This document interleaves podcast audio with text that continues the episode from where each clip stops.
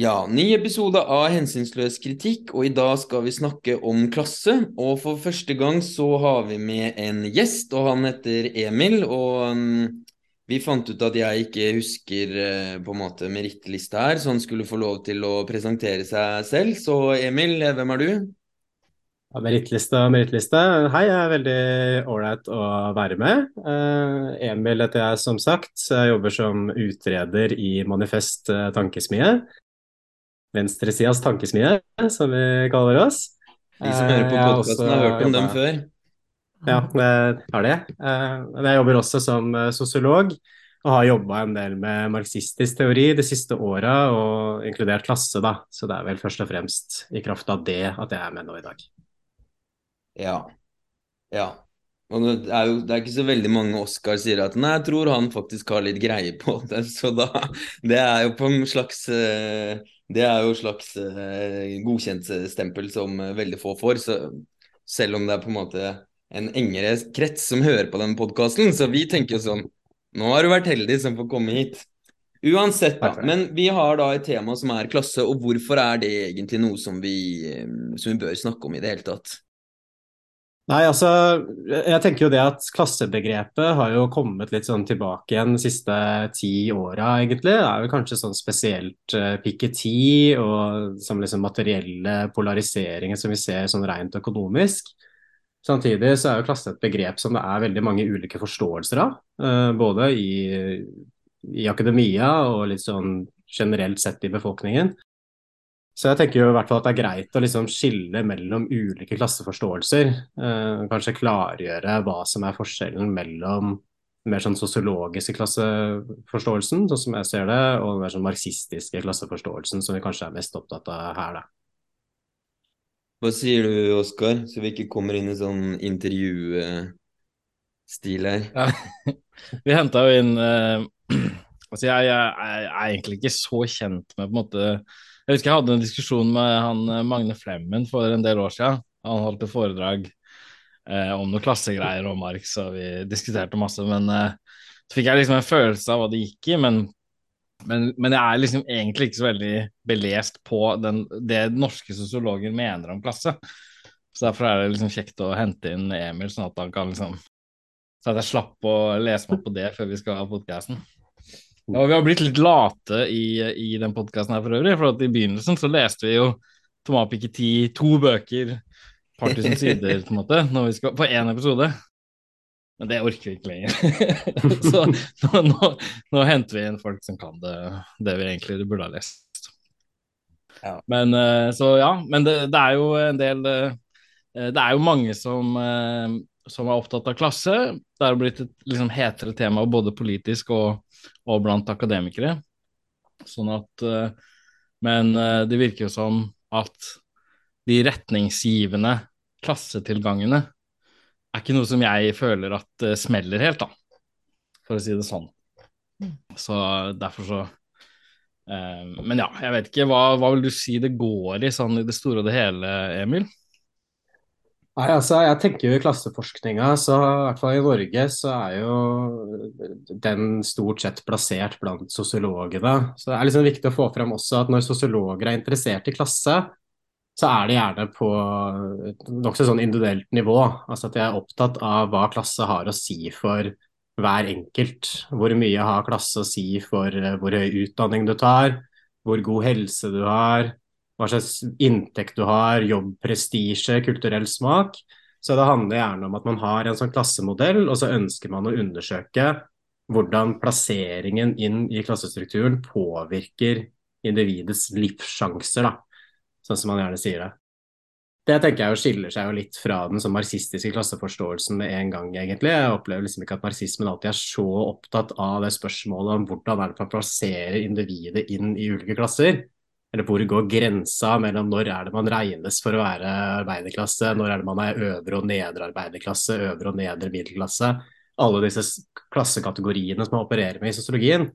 Men i sosiologien så er man det. Så du har jo klassemodeller i sosiologien som er på hundrevis av klasser. Sånne mikroklasseskjema, som man kaller det. Og det er ut fra en sånn idé om at vi må klare å liksom identifisere veldig tydelige grupper. da det jeg kanskje opplever som sånn dominerende klasseforståelsen i det norske miljøet, og for så vidt litt sånn internasjonalt også, det er en sånn klasseforståelse som er utvikla av Pierre Bourdieu, som er fransk eh, sosiolog. Så vet ikke, er det, er det, interessant å snakke litt om han, eller? Sånn økonomisk og kulturell kapital og det der? Ja, jeg syns jo absolutt, uh, absolutt det. Mm. Utgangspunktet hans er at klasse egentlig ikke er noe som eksisterer rent sånn objektivt. Det man har, er et sosialt rom med masse forskjeller, og så gjelder det å tegne inn grupper i, det sosiale rommet på en måte som gir mening. Og det sosiale rommet er eh, strukturert etter et sett av ulike kapitaler, da, som bruker det begrepet. Så én er økonomisk kapital. Det er basically penger, eiendom, hvor mye du har på kontoen hva slags økonomiske ressurser du forvalter. Og så har du også kulturell kapital, som handler stort sett om hvordan man ter seg, hvor høy utdanning man har, hva slags kultur man har. Det som på en måte er ideen der, er at hvis du har en bestemt kultur, altså hvis du har greie på film, eller greie på klassisk musikk, eller greie på fine dining, du veit hvordan du bruker bestikket når du er på en fin restaurant, da er det en form for kapital. da. Uh, tredje formen Hva må ta hensyn til og innarbeide, som ikke marxister i gamle dager, på en måte rene økonomister. Ja, det er det. Har du noe sans for? Så det er en kritikk av det som Bourdieu ser på som en sånn økonomisme da, i, Mar i Marx. Han mener at ulikhet handler om andre ting enn bare økonomi. Så for å forstå ulikhet og hva som gjør at noen lykkes og andre ikke lykkes, så må vi også se på disse kulturelle ressursene, og så har vi en tredje form som er sosial kapital, som basically er nettverk. Kjenner du mange folk som er høyt på strå, eller som har en høy sosial posisjon, så kan det også gi deg fordeler. Og hvor man blir plassert i det sosiale rommet, det handler da om hva slags type kapital du har. ikke sant? Så Han skiller bl.a. mellom en økonomisk overklasse, som er liksom de som er rike eller har mye penger, rett og slett, og så har den kulturelle overklassen da, på siden av dem, som gjerne er professorer, leger, kunstnere, mediefolk. Det vi kaller for kultureliten. Og Bourdieu er kanskje sånn spesielt opptatt av denne kultureliten, da. Så det jeg tror det fører til, bare for å runde av her, er jo at man istedenfor å ha dette her arbeid-kapital-skillet og se på liksom kapitalklassen som arbeiderklassens motsetning, så er man mer opptatt av konflikten mellom arbeiderklassen og kultureliten, eller kulturmiddelklassen. Så de folka som sitter på universitetet, at det gjerne blir de som blir framstilt som kilden til arbeiderklassens uh, undertrykkelse. Det var litt sånn uh, Hva var det En sånn type Høyre kan prøve seg innimellom med at uh, det er Altså, den utdanna middelklassen rider på arbeiderklassens rygg, liksom, for at de mm de jobber og betaler skatt med en gang, mens eh, her har du masse latsabber som studerer i sju-åtte år og bruker millioner av skattekroner. Så på en mm. måte, ikke sant, så at de, de liksom undertrykker de der uutdanna egentlig sliterne osv. Skaper en motsetning mm. der.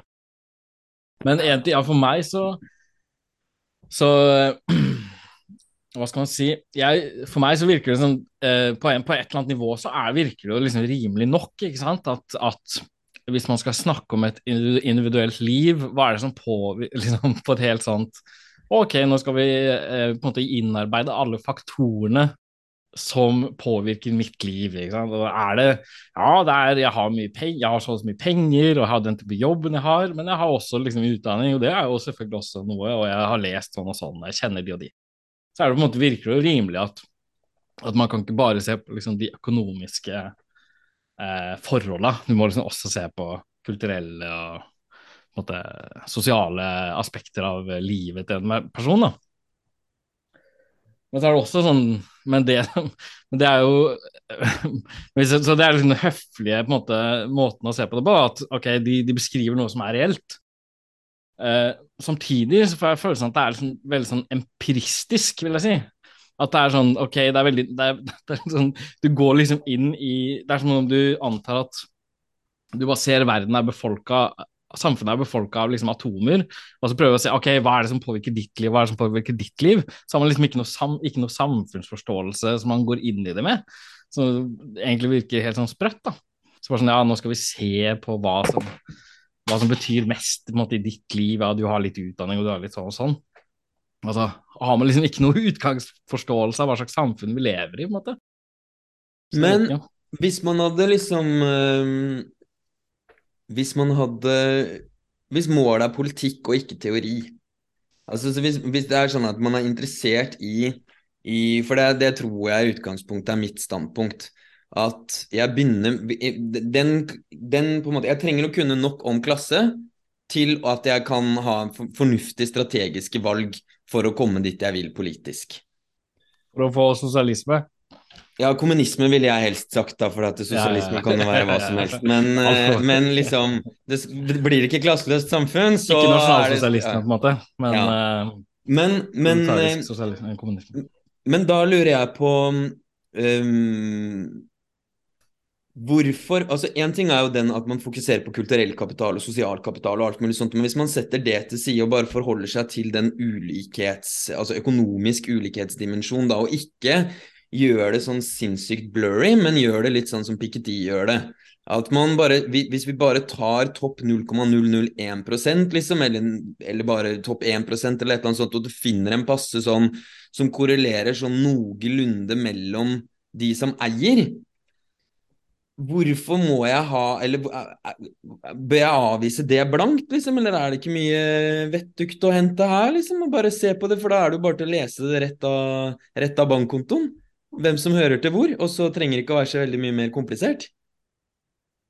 Altså, klasse bare er et spørsmål om pengemengde på konto, og kanskje Ja, at du samler sammen liksom verdien av alle aktivaene til en person, da verdsetter den. Og så da vil du få en liten gruppe på en måte på, på verdensbasis på noen titalls tusen individer eller et eller annet sånt noe som utgjør liksom dette er de som eier produksjonsmidlene, og så er du klar over det der for, forholdet med eie og, og, og ikke eie de produksjonsmidlene, at du må selge arbeidskraften din og sånn og sånn, men, men da har du da har du en sånn avgrensning som fungerer, da. For man kommer jo veldig fort inn i sånne avgrensningsdebatter, selv om kanskje ikke marxister er så opptatt av det, så er det likevel ofte det man blir eh, møtt med.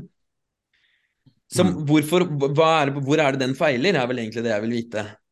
Hva er det som mangler med Piketty sin uh, klasseforståelse? Har du lyst til å... fra et marxistisk eh, perspektiv, eller fra et portiosiansk perspektiv? Eller? Jeg er mer sånn på hva som er rett og galt, jeg da, men, eh, men så her liker vi godt å mene ting. Men la oss si da som marxistisk eh, sosiolog, da, eller altså en sosiolog som forsker på marxisme eller et eller annet sånt noe, hvor er den feiler fra et marxistisk perspektiv? Altså, jeg vil jo kanskje si at hovedsvakheten ligger i kapitalbegrepet i seg sjøl. Både sånn som det er hos Bourdieu, men også sånn som det er hos Piketty. At det er en tendens til at man ser på kapital som en ressurs, som noe man eier, altså noe man kontrollerer. Så man tenker at penger i banken, det er kapital. Men det man glemmer da, er jo hva slags type sosialt system er det som gjør at disse tingene blir kapital i utgangspunktet. Ikke sant? Hvorfor er penger en sånn sosial makt? da? Hvorfor er det slik at de som har mye av disse sifrene, sedlene, ofte helt sånn fiktive summer, at de også får denne sosiale makta? Og kapitalbegrepet til Marx tillater jo da å se også, liksom, hvordan er det disse ressursene også former hele reproduksjonen av samfunnssystemet. Og Implikasjonen da er jo det at det nytter egentlig ikke å bare kritisere de som sitter i topposisjonene akkurat her og nå, for det er et eller annet med systemet i seg sjøl som alltid skaper denne klassestrukturen, som alltid skaper den der ujevne fordelinga.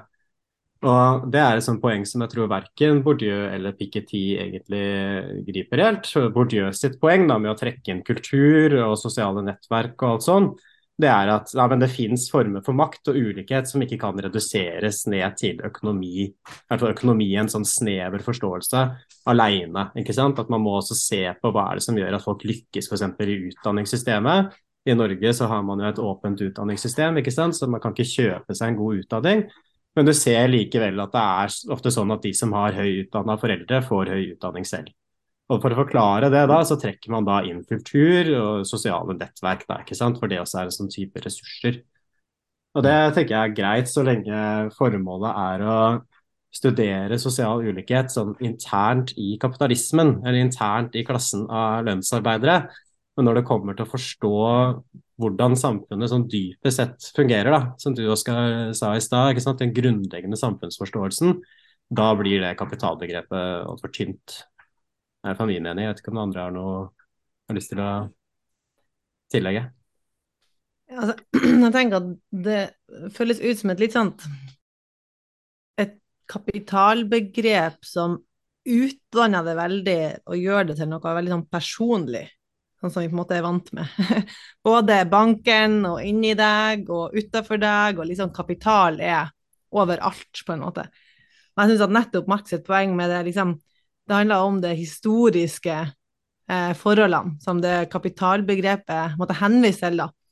Og jeg tenker at Det er liksom viktig å ha en veldig klar definisjon av hva det egentlig betyr, og at det er dumt når man bruker det på alle de her måtene for, at, for å forklare noe som egentlig er ja, som du sier, en ressurs, da, på en måte, at du, har, du, er ressurssterk for at du har et stort nettverk, eller ikke sant. Så jeg syns det er dumt at han bruker det ordet kapital, for da har du på en måte med en gang Da mister du på en måte den totale analysen som skal klare å holde, holde deg på beina. Mm. At han han legitimerer på en måte et sånt eh, borgerlig kapitalbegrep. Ikke sant? Som, mm. sånn, kapital er alle ressurser som gir deg noe, eller ikke sant? Sånn. Eh, som er den der flate borgerlige forståelsen av at alle inntektsformer er liksom rente. Renteinntekter. At uh, du tjener renteinntekter på arbeidskrafta di på samme måte som du tjener renteinntekter på jord, grunneiendom, som du tjener renteinntekter på kapital. Alt er liksom omdanna til det. Fordi at det i kapitalens lys liksom eh, framstår sånn. Eh, som er liksom synd, da. Og, eh, og den ja, og det kan liksom, tenker jeg burde Den kan på en måte, den, den feilen, feilen, må man bare ta hvis man er en sånn eh, bordianer som Bordusianer, er det det man sier? Ja. Som, som, vil forstå, som slags forstår hva kapital er, så ok, da må man liksom ta den på sin kappe, på en måte. Men ok, likevel er det noe der.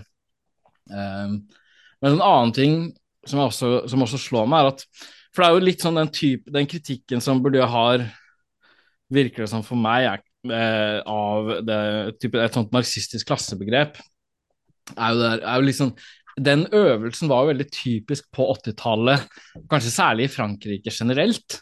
Liksom, på alle fronter så ble liksom Marx utsatt for et angrep som, som var ganske sånn strukturlik Eh, med akkurat det opplegget der. Altså at du sier at ok, Marx analyserer økonomien, og så tror han at økonomien er alt.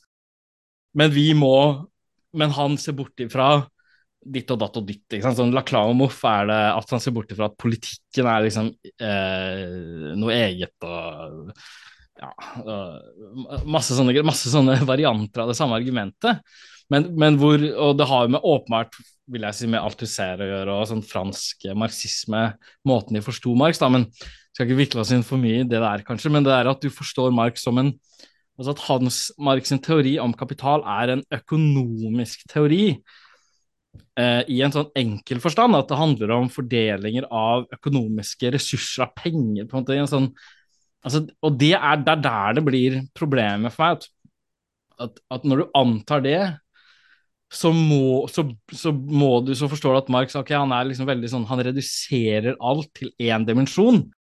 Eh, og da må vi supple, finne masse, liksom supplere det selvfølgelig med tusen forskjellige andre eh, øvelser. da. Men du har jo i allerede i utgangspunktet eh, lest han på en sånn ekstremt sånn redu reduserende måte.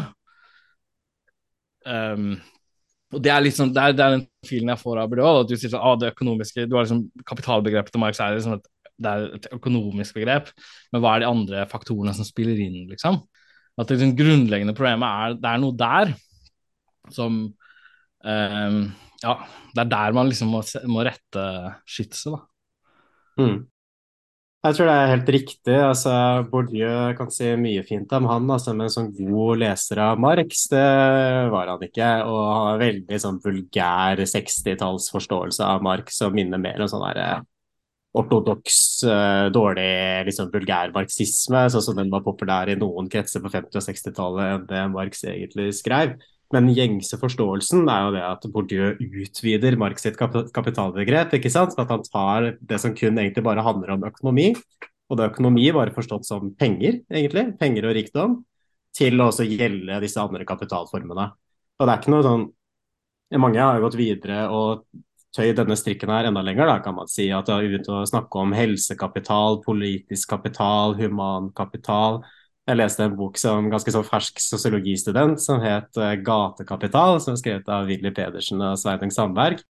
Og der var argumentet det at man kan analysere liksom, kriminelle miljøer i Oslo at de også har en form for gatekapital. Da. Det gjelder å slenge, kjenne til den riktige slangen, ikke sant? eller å kunne bruke vold, eller ha mye kontakter i den kriminelle underverdenen, gå i de riktige klærne, framstå som tøff. Og da er det også en kapitalform, ikke sant? fordi det er en slags ressurs de kan bruke for å forbedre sin egen posisjon. da. Så det blir på en måte en sånn kapitalforståelse som er helt frakobla spørsmålet om hva kapital egentlig er, ikke sant? og hvordan kapital egentlig fungerer og hvordan kapitalrelasjonen strukturerer samfunnet.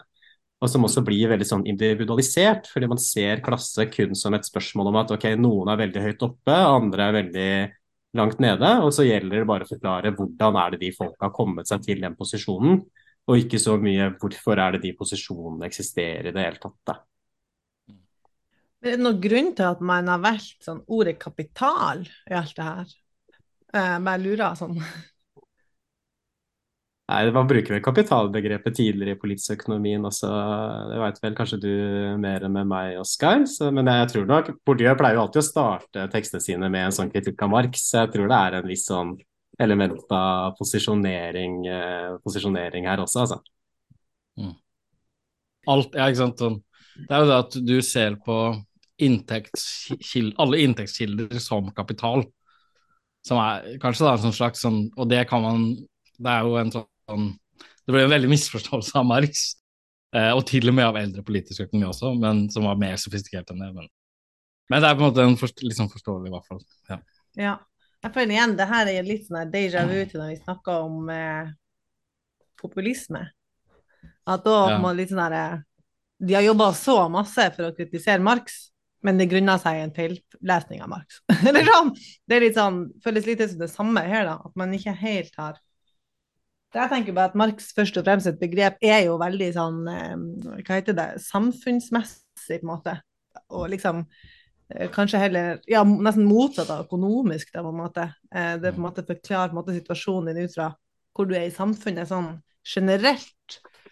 Så Det er jo også sånn um, um, Ja, altså hvis jeg også si noe prøve det, det poenget med at liksom det er liksom, det er, jeg synes det er komplisert å, å, formulere det, men det er det at ok, hvis Marx har en økonomisk teori, så trenger vi en teori som også har blikk for, for på en måte rase og rasisme. Og så trenger vi en teori som også har, har blikk for kjønn og kjønnsundertrykkelse og bla, bla, bla. Og vi trenger en teori som også, og, og ingen av disse tingene kan reduseres til noe av det andre. ikke sant? Alt er liksom helt sitt eget og hviler på sitt eget grunnlag. sånn at Sånn at kjønn kan ikke på no, kjønnsundertrykkelse og sånt kan ikke på noen måte liksom reduseres tilbake til økonomiske forhold. Eh, og det er heller ikke rase kan det. Så alt hviler liksom på, på eh, et selvstendig grunnlag, da. Sånn at liksom hele samfunnet blir Altså det blir liksom veldig sånn eh, eh, en, en kaotisk kompleks av ulike ting som, som liksom spiller inn. Eh, men eh, hvis man skulle seriøst mene det, da, f.eks. At, at, at rasisme ikke kan reduseres til noe annet på en måte enn det det er, så blir, er man jo for, å, dra det liksom veldig langt, så er man jo i prinsippet rasist. ikke sant? For hvis, mener, hvis, hvis, det eneste du kan forklare rasisme med, er rase, på en måte, så har du jo naturalisert rasisme. Og det er ikke noe bra. ikke sant? Hvis det eneste du kan forklare kjønn med, er liksom kjønn, så har du jo Sånn at det å, det å, å relatere rasistisk undertrykkelse for eksempel, til økonomiske mekanismer det er, sånn, det er ikke noe galt i det. I for, det sånn, for der, der ser jeg på andre varianter av typen sånn kritisk teori i dag, hvor, hvor, det er den der veldig der tendensen at ingenting skal føre tilbake til noe annet, på en måte, som, som jeg er liksom redd for hvor, hvor fører hen. da. Men, men, hvis man i hvert fall ser på sånn, ok, er det, hvor er det Marx, måte, hvor er det alt det her kommer fra, så er det jo da ikke liksom et sånt økonomisk forhold, men det er et, sånt grunnleggende produksjonsforhold som har virkninger på hvordan hele samfunnet fungerer. På hvordan, Ikke bare på, på, på direkte økonomiske relasjoner, men også på tenkemåten og på kjønnsforhold og på og på eh, kolonialisme og ikke sant, rasistiske greier osv. Det betyr ikke at alt liksom kan forklares på en sånn direkte uformidla måte, men, men, det liksom, men henger sammen. Sant? Samfunnet er en enhet. Det er en totalitet på, på en sånn grunnleggende måte, som, som liksom har en indre logikk. Og kan liksom, Du kan ikke liksom spalte det opp i sånn tusen sånne greier som, som eh, Og alt skal en eller annen franskmann skrive en doktoravhandling om, på en måte og, og forklare at det har sin helt en greie. Jeg vet ikke. Ja, kanskje vi har surra oss eh, altfor mye inn i, borti der nå. Men, Men hvis vi skal tilbake til dette klasseløse ja. samfunnet, da, og vi trenger en teori for det, og ikke bare for teoriens skyld, uh, type, så har jeg da forstått det riktig som at de som ser på ulikhet, enten bare den økonomiske eller andre former for ulikhet, Problemet med det, med det, er at de klarer på en måte ikke å si noe om hvordan denne ulikheten genereres sånn grunnleggende sett, så du kan studere på forskjellige individer innenfor en struktur, men du kommer ikke til hele liksom, hva er det kapitalforholdet, som dere sier. Er det sånn grovt, den plumpe, lett Ja? Ok, så hva ja, er det Marx det... Ja, ok, sorry, fortsett. Jeg tror det som Bourdieu f.eks. skriver, det er ikke noen grunn til å liksom anta på forhånd hva slags type kapital som finnes. At det kan være Økonomisk kapital kan være viktig, men kulturell kapital kan også være viktigere. Det kan også være andre former for kapital. Gatekapital til og med, ikke sant? hvis man sier at man lever i et sånt gangstersamfunn. Så, så disse kapitalformene er på en måte ikke gitt på forhånd. Og derfor er heller ikke klassestrukturen egentlig heller gitt. For klassestrukturen kan observeres ved å bare se på de ulikhetene som til enhver tid er. Og, de, og det, det, er da ulikheter gjerne på individnivå. Hvem er det som har penger, hvem er det som har prestisje, hvem er det som bor i fine nabolag, hvem er det som tar mastergrad, hvem er det som tar, tar bachelorgrad. Bare, vi kan bare gå ut og se på disse ulikhetene, og så kan vi se okay, hvilke ressurser er det de bruker for å komme seg fram. Og det er de viktigste kapitalene. Og det er de kapitalene som vi forholder oss til. Og da faller jo litt den der revolusjonære interessen fort ut av det. Og det handler mer om å se på ulikheter internt i samfunnet enn å se på hvordan samfunnet som helhet kan forandres. Da. Uh, ofte så blir man jo opptatt av ulike former for diskriminering, ikke sant? det man gjerne kaller for klassisme, uh, som er et begrep som jeg liker veldig dårlig men man ofte går ut fra at det som først og fremst er problemet med å være arbeiderklasse i dag, er at man blir sett ned på, eller man blir diskriminert, eller man blir ikke representert i politikken. Det er for få TV-serier f.eks. som lages av folk med arbeiderklassebakgrunn. Så vi må gi disse gruppene et sånt symbolsk løft. da, og si at det er ikke noe veien å være arbeiderklasse, eller de kan få litt mer av disse ressursene som vi alle driver og konkurrerer om. Og det blir en sånn type likestilling mellom klassene, istedenfor en avvikling av klassesamfunnet i seg sjøl. Så det føler jeg fort blir liksom den politiske utfallet her. Så Edvard Louis, f.eks., som hadde en tekst i Klassekampen nå om uh, broren sin, et manifest for arbeiderklassen, kalte han den. Han er jo veldig så bordiesianer, har redigert en antologi om Bourdieu hele pakka.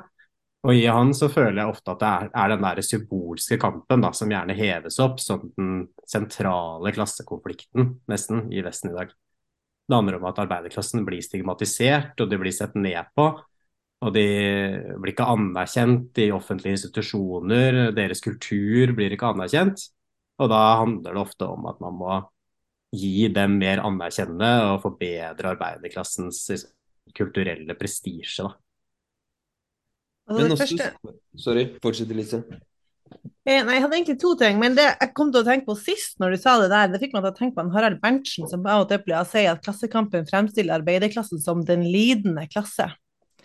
Eh, sånn liksom de som sliter, de eh, kan stakkars arbeiderklassen, åh, de sliter og de har det ikke bra. Og... Men liksom, at det egentlig er sånn eh, At det er helt sånn feil fremstilling av den klassen, at det egentlig er liksom en ekstremt uh, sterk og liksom Det er jo en revolusjonær klasse, liksom, som, med så masse makt. Og så blir det på en måte fremstilt sånn. Så det var mer en sånn Det kan kanskje utbroderes av Oskar, jeg vet ikke, men det var en sånn tanke jeg fikk når du sa akkurat det, at det liksom han Harald Berntsen har snakka om det. Men det andre jeg tenker òg, som er litt sånn konsekvensen av en sånn eh, kapitalbruk og forståelse, føler jeg òg at, at, det blir igjen går fra en sånn samfunnsmessig forståelse til veldig sånn individ. sånn jeg er født og oppvokst med masse kulturell kapital, så derfor burde jeg gjort det ganske bra. For jeg har masse kulturell kapital, jeg har masse nettverk og eksempel sånn, og likevel skal ikke jeg komme meg opp og frem i livet. Eller sånn, det blir liksom, Da er det du som ikke har klart det, for jeg har masse gatekapital, og jeg burde gjort det bra ut ifra forutsetningene mine, og likevel så får jeg ikke det til.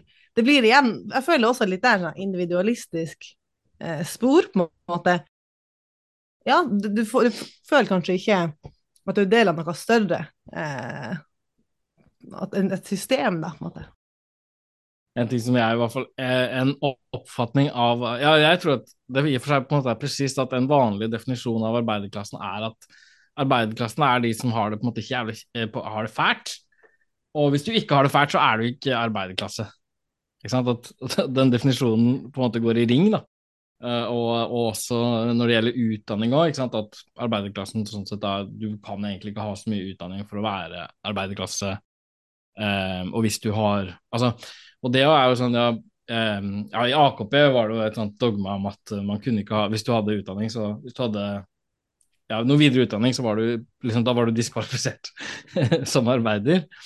Um, og det minner jo litt om det som de sånn type kulturelle klasseforståelsene som sirkulerer nå. og Min tanke er at begge de to strømningene har forent seg i Bjørgulfbrånen, som er liksom veldig opptatt av det utdanningsspørsmålet for, for arbeiderklasseidentiteten. At det er de der sliterne som ikke har utdanning osv. Det, er det, er, det er det som er greia. Men, men, hvis, men hvis, man da tar ut, for å kontrastere det liksom til et sånt type marxistisk ståsted, så er jo liksom arbeiderklassen, de lønnsarbeiderne, de utfører arbeid i et kapitalistisk samfunn og det arbeid, arbeidsprosessen i et kapitalistisk samfunn den utvikler seg og blir mer kompleks.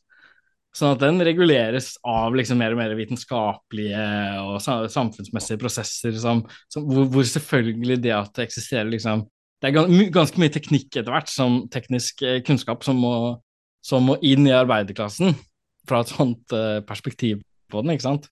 Sånn at uh, det at Altså, det at arbeiderklassen fra ett eh, type klasseståsted forsvinner, kan man jo fra et annet ståsted liksom se som en sånn reorganisering av arbeiderklassen pga. hvordan liksom moderne kapitalistisk produksjon utvikler seg. Etter hvert som den blir mer avansert og kompleks, så blir, ja, må en, en bestanddel av arbeiderklassen være eh, ha liksom, eh, vitenskapelige tekniske ferdigheter som ikke var tilfellet før, osv. Og, så og så, bli, så har man liksom sånne dogmatiske eh, forutsetninger om hvilken, hvor mye utdanning en arbeider liksom kan ha. Eh, og så ender man, opp med å Og det blir litt sånn eh, ja, Jeg syns det blir veldig dogmatisk, faktisk. For det er jo ingen sånn Det er jo ikke noe det er, noe, det er jo nettopp ikke gitt i, på forhånd. Det er jo det av hvor mye kunnskap og kvalifisering som en arbeider må ha i et kapitalistsamfunn, avhenger nettopp av hvordan arbeidsprosessen ser ut. Da. Og det kan utvikle seg videre. og og det vil, vil, de jo helt sikkert også gjøre, sånn at men, Ja. Mm. Men de liker Å oh, ja, fortsett, Emil. Nei, fortsett, du. Ja, men jeg, jeg, sporer nok videre, så hvis du vil ta det på fortsette på det samme, så er det bare til å mm. Jeg tenkte kanskje det kunne være sånn interessant å si litt om bakgrunnen for det her, og liksom for de klasseteoriene som man sitter med altså Klassebegrepet forsvant jo veldig ut av sosiologien på 90-tallet. Det var liksom end of history, alt det der. Og da var det mange som gikk ut og sa at klasse det er en zombiekategori. Klasse er ikke virksomt lenger. Blant annet her i Norge så hadde man den klassesamfunnet på hell. Den kom jo litt tidlig ut. Eh, blant annet Gudmund Hernes som har vært med og skrevet den.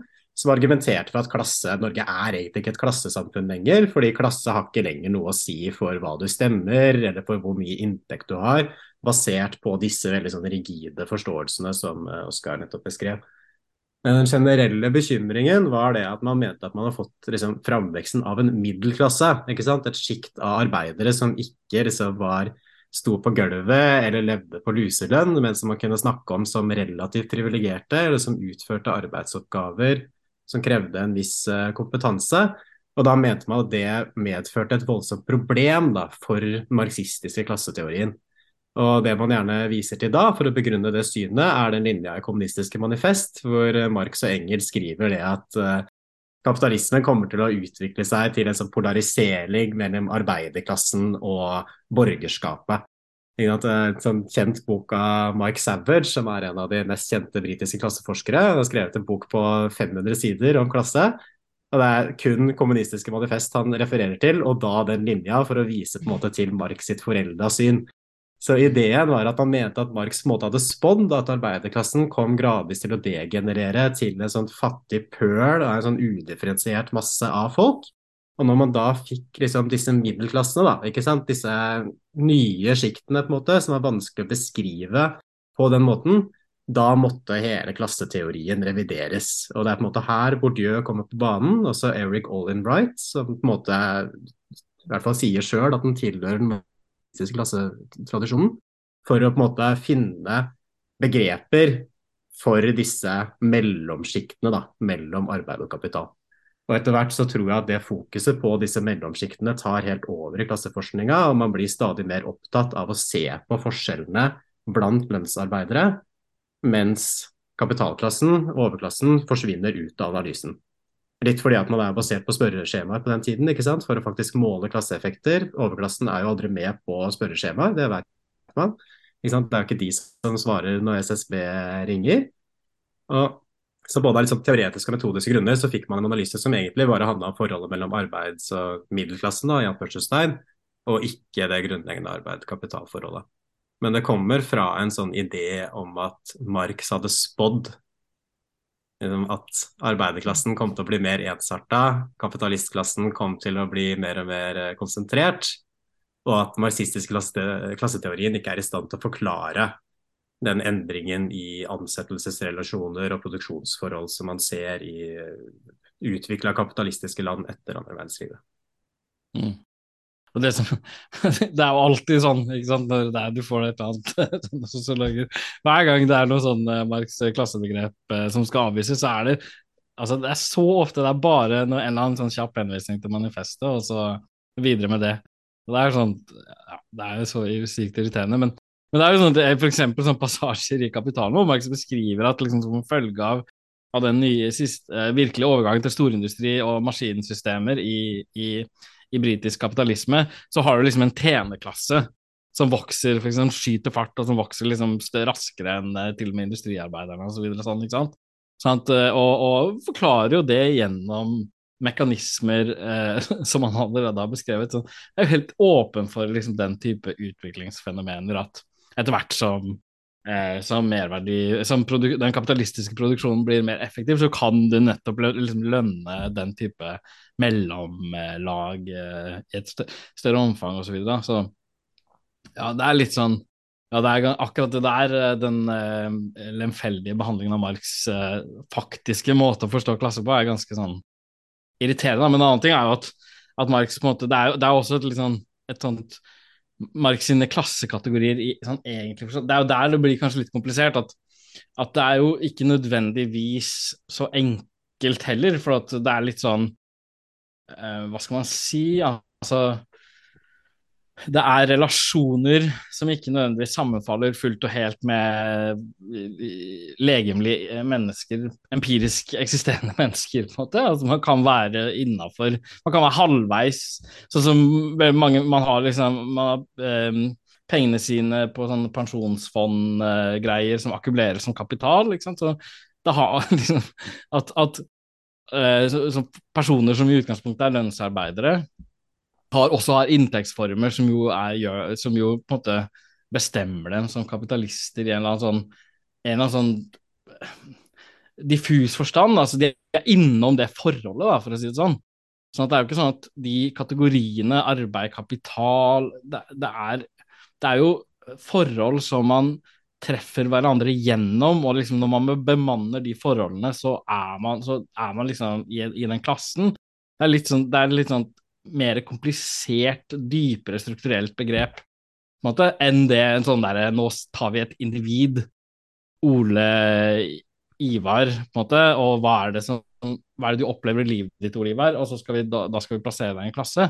Det blir liksom der, Her er klasse noe som egentlig du kan være en litt en del av, ikke fullt en del av. sånn, Ikke alle trenger nødvendigvis å være med i en klasse. Ikke sant? Det er Men før vi gjør det diffust, skulle vi gjort skulle vi gjort det For nå har du begynt å problematisere et marxistisk klassebegrep som vi ikke har sagt så veldig mye om. eh, Skulle vi tatt det først? Altså først den, liksom, den lettere varianten, og så kan vi problematisere de som er medlem av begge klasser. Eller i hvert fall For Ja. min oppsummering nå, så vil jeg tenke sånn at ok, vi har, vi har da Ja, beskrevet disse, den ulikhetsgjengen.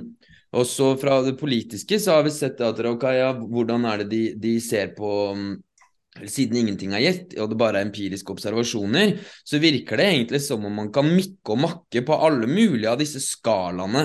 Og bare ta etter hvis, altså, hvis du skal prøve å oppnå et klasseløst samfunn innenfor den, altså hvis du starter med den teoretiske forståelsen at det er ulikhet på forskjellige nivåer, og du vil ha et klasseløst samfunn, så gjelder det bare å skru den ene litt ned der, og den andre litt opp der, og den tredje litt opp der. Og så viser det seg kanskje det at den økonomiske den økonomiske aksen er den som det er vanskeligst å justere på uten å true profitabiliteten, vil jeg tro.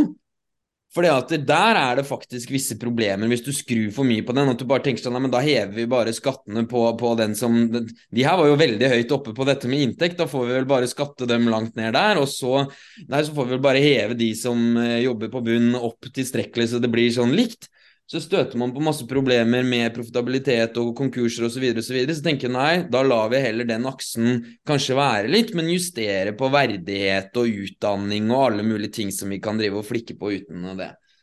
Og det er jo ikke veldig tilfredsstillende å måtte la hovedaksen på en måte bli værende. Men da, hva er da den alternative forståelsen, blir jo da det neste spørsmålet. Og jeg har bare skumma den ene artikkelen din, Emil, men det var jo interessant nok i seg selv, så kanskje du kunne lagt ut liksom sånn hva Hvis du skal ha en marxistisk klasseforståelse, hva, hva, bør, vi, hva bør den inneholde? Dette her kunne jo sikkert uh, Oskar svart på like godt som meg, altså. Men jeg, jeg tenker at dette arbeid-kapital-skillet er jo fremdeles det sentrale. At man har liksom en gruppe mennesker som selger arbeidskrafta si til en annen gruppe mennesker. ikke sant? Førstnevnte er arbeidstakere, eller arbeiderklassen, og sistnevnte er eh, kapitalister. Og de kapitalistene ansetter disse menneskene for å generere en merverdi gjennom økonomisk produksjon, og den merverdien kommer fra et overskudd av det arbeiderklassen produseres. Og produksjonen av dette overskuddet, det er poenget med hele eh, prosessen, rett og slett. Og det er jo en ting som egentlig skiller liksom, Marx sin klasseforståelse der fra den litt mer sånn vulgære klasseforståelsen, tror jeg. Fordi ofte så tenker man jo at kapitalister motiveres av grådighet, at de skal ha mest mulig penger til seg sjøl. De skal bli rikest mulig, og det er sikkert en viktig faktor, det. Altså. Men det som er på en måte sentralt, er jo ikke at de tar og bruker alle disse pengene som de får selv. Hvis de gjør det, så er de ganske dårlige kapitalister, egentlig. Da har de ikke liksom, nok igjen til å kunne investere mer. Nei, de må ta dette overskuddet, og så må de gjeninvestere det i produksjonen, og så utvide produksjonen gang for gang, da, for hver runde man går gjennom dem. Og dette her skaper en sånn interessekonflikt mellom arbeid og kapital, fordi overskuddet, eller livsgrunnlaget egentlig, til kapitalistene kommer fra det arbeiderne produserer. Så det er en interessemotsetning der som er helt objektiv. Uansett egentlig om arbeiderne subjektivt oppfatter det som problematisk, så er det noe objektiv grunn til antagonisme der. Men samtidig så bindes også disse gruppene sammen fordi begge er nødvendige, i hvert fall i kapitalismen, da, for å gjennomføre produksjonsprosessen. Så det er en kilde til konflikt, men som også binder de folka som er i den konflikten, sammen med hverandre. Og dette her skaper en dynamikk, eller skaper en hel serie av konsekvenser som samfunnet eller kapitalistene på en eller annen måte er nødt til å håndtere. Da? De må organisere produksjonen på en sånn måte så potensialet for opposisjon fra arbeiderklassen på en eller annen måte holdes i sjakk. ikke sant? At man trenger et statsapparat som er i stand til å opprettholde orden, beskytte den private eiendomsretten, slik at denne akkumulasjonsprosessen kan fortsette. Men at det på en måte er den grunnleggende dynamikken i klassestrukturen, er mellom arbeid og kapital. Og så tror jeg ikke man utelukker det at det kan finnes ulike fraksjoner sånn internt i arbeiderklassen, f.eks. mellom de arbeiderne som uh, er, tilhører liksom middelklassen, da, sånn som man gjerne snakker om i sosiologien, som kanskje har høyere utdanning, bedre stillingsvern, de har kanskje mulighet til å selge arbeidskrafta si til flere kapitalister, så de er ikke så avhengig kanskje av det umiddelbare arbeidssalget som det andre kan være. Og så kan det jo finnes mindre privilegerte sjikt nedover. Men det er alle forent i den statusen av å selge arbeidskrafta si og bli utbytta, og da definerer man klasseposisjonen deres rett og slett sånn. Så man ser f.eks. ikke på prestisje eller utdanning eller hvor mye inntekt man har, selv om det er interessant. Men så er ikke det, det er ikke de faktorene man legger til grunn for selve klassedefinisjonen i seg selv. da. Det er dette strukturelle motsetningsforholdet i produksjonen som kjennetegner kapitalistiske produksjonsprosessen spesifikt.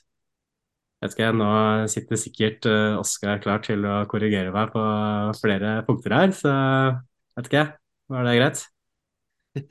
ja, nei, jeg tenker det er bra. Det er, eh, jo masse sånn, liksom, så, så er det jo Uh, ja, de ulike differensieringer internt i kapitalisten òg, ikke sant. Og du har forskjellige kapitalformer og pengekapital som du tjener rente på, i motsetning til som du er liksom passiv kapitalist bare. Og, men liksom Ja. Uh, men jeg vet ikke hva som blir Men tilbake til altså hvis du sier at altså, Men poenget blir at samfunnet i en eller annen grunnleggende forstand er polarisert. Altså uh, i, i den forstand at samfunnet er bygd opp Eh, er, baserer seg på kapitalisme, eller kapital, så er det jo nettopp det, det grunnleggende forholdet mellom arbeid og kapital. Og samfunnet er sånn sett liksom polarisert i to store blokker, liksom. Eh, som Marx sier i manifestet, vil jeg si da. Men, men, eh, men, så jo, men så betyr ikke det nødvendigvis ikke at det bare finnes arbeidere, rene arbeidere, og så finnes det på den ene sida, og rene kapitalister på den andre sida. Men det er mer at uh, der, de er liksom de primære klassene på en måte som, som definerer det samfunnet her sånn. Og så finnes det masse andre utvekster på det, ikke sant. Og det er ikke, det er ikke noe Det er jo ikke noe Marx liksom nekter å anerkjenne, eh, eller som man trenger å nekte å anerkjenne. Men, men, men, eh, men det er jo eh, kategorier som er mindre grunnleggende enn det arbeid-kapital-skillet, da. Og dermed så, så eh, er det ikke et motbevis, kanskje. Jeg vet ikke, Morten, du får Så vi har de to klossene vi, som vi har i manifest... Altså jeg som er plump, jeg liker jo den, jeg liker jo kommunistisk manifest ja, ja, ja. jævlig godt, ikke sant. Jeg syns det er helt rene ord for penga, lett å gjengi. Ikke faen Å nei, men du har bare lest 2000 sider, ja, men du får ikke fasiten før du har lest tre, liksom. Bare sånn fuck off, gi meg 60 sider med med kommunistiske manifest. Men uansett, da. Eh, igjen så vil jeg tilbake til det, og, det trenger ikke at, at, mitt perspektiv er politisk. Det trenger jo ikke å være styrende for den samtalen her. Vi kan, vi kan på en måte, der Teoriene kan være interessante i seg selv, men, men, men, jeg er liksom ikke interessert i hvor mange, mange typer fluer det finnes i verden, for hvorfor skal jeg vite det? Selv om det, man kan jo studere det òg. Jeg er interessert i ok, hva må jeg ha på stell teoretisk for å kunne komme noe vei politisk? Ja. Og jeg skjønner at, det, at det, klassebegrepet det er en ting som du må ha det noenlunde på stell. Men for eksempel, jeg foretrekker jo av og til Eh, den der Gerhardsen som Mimir har relansert med det store arbeidende folk, for å slippe å gå inn i skillet mellom funksjonærer og produksjonsansatte og offentlig ansatte osv. osv. Fordi at jeg tenker at ok, hva er det jeg er ute etter? Jeg er ute etter interessene til en stor nok mengde av folket, så det, er, så det kan være en demokratisk endring det er snakk om. Og jeg, de må ha noen vesenskjennetegn ved seg. Ja, hva er det for noe? Jo, de er strukturelt tvunget til å selge seg selv som lønnsarbeidere, enten de jobber som det ene eller det andre. Og så har alle sammen har potensialet ved å sitte på en utleieleilighet og være rentenister til en viss grad, eller ved å sitte på noe aksjefond og være på en måte delvis innta den posisjonen som, som Oskar snakka om, ved at de er bitte lite grann kapitalist. men jo lenger du på en måte, eller jo kortere tid du er ute Altså, hvordan blir det her? Jo raskere du får problemer ved å være utenfor arbeidsmarkedet, uten en eller annen sosial støtteordning, jo nærmere er du den rene på en måte strukturelt tvunget til å selge deg selv som lønnsarbeider. Vil jeg si. Og jo mer på en måte buffer du enten har på sparekontoen din, eller, eller at du faktisk er litt kvasikapitalist med pensjonssparinga, eller hva det enn måtte være for noe, ok, jo nærmere beveger du deg liksom, sånn delvis bort fra det. at da, du, da, har du visse andre ting som spiller inn. Og noen på en måte som, som selger seg selv som lønnsarbeidere, sånn som Helge Lund, som kanskje jeg vet ikke, tjener 90 mill. i år eller et eller annet sånt noe, da er det på en måte, da jobber du litt som en hobby. Da er du ikke strukturelt tvunget til å selge deg selv lenger, for da har du så mye penger backa unna at du kunne egentlig bare seila rundt i båt eller et eller annet sånt. Noe. Men det, det, av, marxister, ja, av marxister så får jeg ikke lov til å ha dette store arbeidende folket. Jørgen Sandemose, for eksempel. Nei, nei, nei, nei, nei, nei, nei. Det er ikke lov. De hever hva de kalte det, salær eller et eller annet. Også. Det er liksom Nei, de hever ikke lønn. Det, det her er ikke lønnsarbeid. Forskjell på lønnsarbeid og salærarbeid. Ja. ja, et eller annet, ikke sant? For å få inn disse, disse skillene, da, med at med mindre du er i merverdiproduksjon, så kan vi ikke snakke om disse lønnsarbeiderne. Da, det er vel kanskje der jeg tenker sånn Er det litt er det litt for puristisk for hva vi egentlig trenger? Ja. Altså det er derfor jeg syns det å liksom snakke Klassediskusjonen er vanskelig for meg, så det er derfor jeg kanskje det har vært litt surrete fra min side i dag. Men, eh, men jeg mener, hvis, er, hvis, vi konsentrerer om det politiske aspektet ved det, da, som jeg for så vidt også For meg er det viktig ikke sant, at, at um, at jeg mener at uh, det marxistiske klassebegrepet det peker henimot et klasseløst samfunn. Mens liksom et, et, klassebegrep som baserer seg på street cred og, og liksom uh, vennekrets og kulturell uh, distinksjon osv. Og, og den, type forskjeller vil selvfølgelig alltid eksistere. på en måte. Så det, det er uh, sånn sett impotent i en viss sånn grunn... Hvis vi har liksom et sånt svært politisk perspektiv med at det vi ønsker å gjøre, er å få slutt på liksom klassespaltingen av samfunnet. Eh, og det, for, det, for, den visjonen som jo ligger i marxismen, peker jo til et eller annet grunnleggende eh, eh, historisk skillepunkt, hvor liksom samfunnet deles opp i to. Eh, altså du, På den ene siden liksom de som produserer stort, stort sett samfunnets merarbeid, og de som tilegner seg det merarbeidet i ulike former. Enten de er liksom slaveeiere eller eller, eh, eller føydalherrer og autristiske teokrater, sier Marx og sånne ting. Så altså masse forskjellige varianter det her har foregått i. Men liksom, du, du, du, du får liksom et tidspunkt i historien hvor, hvor, hvor samfunnet skilles mellom ikke, Du ikke bare har liksom et fellesskap av, av uh, produsenter, men liksom et, en, en, egen klasse av tilegnere. Sånn at arbeidet Alle mennesker er på en måte pålagt naturen å jobbe, vi må bearbeide naturen for å leve. Men den tvangen blir liksom, den naturlige tvangen som vi alle er underlagt, blir liksom oppheva for en del av samfunnet og overført til en annen del av samfunnet eh, gjennom sosial tvang. Og der får du liksom grunnleggende, det grunnleggende klasseskillet som utvikler seg historisk, og liksom utkrystalliserer seg til det arbeid-kapitalskillet vi har i dag, som er liksom vår variant av det samme. Masse nye egenskaper som er viktige, men liksom det er det grunnleggende skille at liksom, samfunnet er ikke ett stort liksom, arbeidsfellesskap som, som, utfører de ulike nødvendige oppgaver vi trenger for å leve, men, men, men liksom en spalta i, i, disse På den ene siden en, en, klasse av produsenter, på den andre siden en klasse av ikke-produsenter. Sånn at, sånn at den der visjonen om et klasseløst samfunn, den må jo ha den der grunnleggende forankringen i, i eh, måte forholdet mellom klasse og, og, og, den uh, reproduksjonen av det materielle livet til menneskene. For å liksom for å, for å, for å fungere som en sånn eh, politisk for å, kunne ligge til grunn for en politisk visjon om et klasseløst samfunn, rett og slett. Da. Og, det jo, og der det liksom, må være utgangspunktet når vi skal snakke om arbeid og kapital og ikke sant? Det, det må ligge der, ikke sant? det må være det grunnleggende. Og så kan man liksom komplisere og, og, si at ok, det er ikke bare produsenter på den ene siden og tilegnere på den andre siden, det er masse mellomklasser osv., og, så og det har det jo alltid vært, ikke sant? Men, men det er det grunnleggende skillet som, som, definerer samfunnet som et klassesamfunn, og, det er det grunnleggende, og som derfor er politisk relevant for oss som ønsker å eh, kvitte, kvitte oss med den spaltinga, da.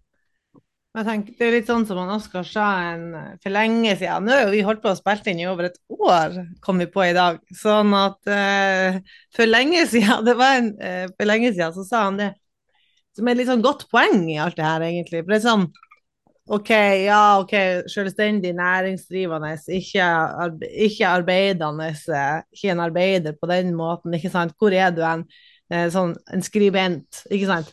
Men at, at poenget er jo på en måte ikke hvem er det du tilhører her eh, spesifikt, hvem, hvilken kategori er du i samfunnet, men heller hvem sine interesser er det jeg ser meg tjent med, på en måte. Altså arbeiderklassen, de er den klassen som har den revolusjonære krafta. Så jeg, jeg heier selvfølgelig på de, for det er de som kommer til å eh, som har makta til å eh, liksom frigjøre samfunnet, som gjør at jeg òg vil nyte godt av det. Uavhengig av hvilken kategori på en måte, jeg er i som på en måte, arbeidstaker i samfunnet. på en måte. Og det kan man kanskje ikke trenger å henge seg så opp i de kategoriene når vi ser det sånn som vi gjør det. Som et mer sånn OK, hva må vi gjøre for å endre samfunnet? Så er det kanskje best å fokusere på de hovedstrukturene og hvor problemet er, og hvor vi da må, må fokusere. Hvis det handler om hvem som anerkjennelse, så er det veldig viktig å vite akkurat hvor du er, for det handler om, det handler om å vite om du fortjener mer anerkjennelse eller mindre, på en måte, og det er det vesentlige det står om. Å følge opp Emil, det Emil sa i stad, men, men, men liksom med den her liksom grunnleggende forståelsen, så er det sånn Det er på en måte Det viktige er jo på en måte hvilken uh, Which side are you on, på en måte. ja. Selv om man ikke må fucke opp anerkjennelsen heller, da. Det var en sak i avisa for noen år siden om renholderne på rådhuset. Og da spurte journalisten dem hvem er det som hilser på dere av politikerne, og så sa de ingen hilser på oss bortsett fra én. Hvem er den ene, da? Carl I. Hagen. Han hilste på alle. Jo, jo, jo. Og det er så jævlig bra gjort. Det er så jævlig Da har du faen meg skjønt det, liksom. Det hilset koster han ingenting. Men de selvfølgelig likte de han. For han hilste på alle sammen. De andre bare fløy rundt og bare Ja.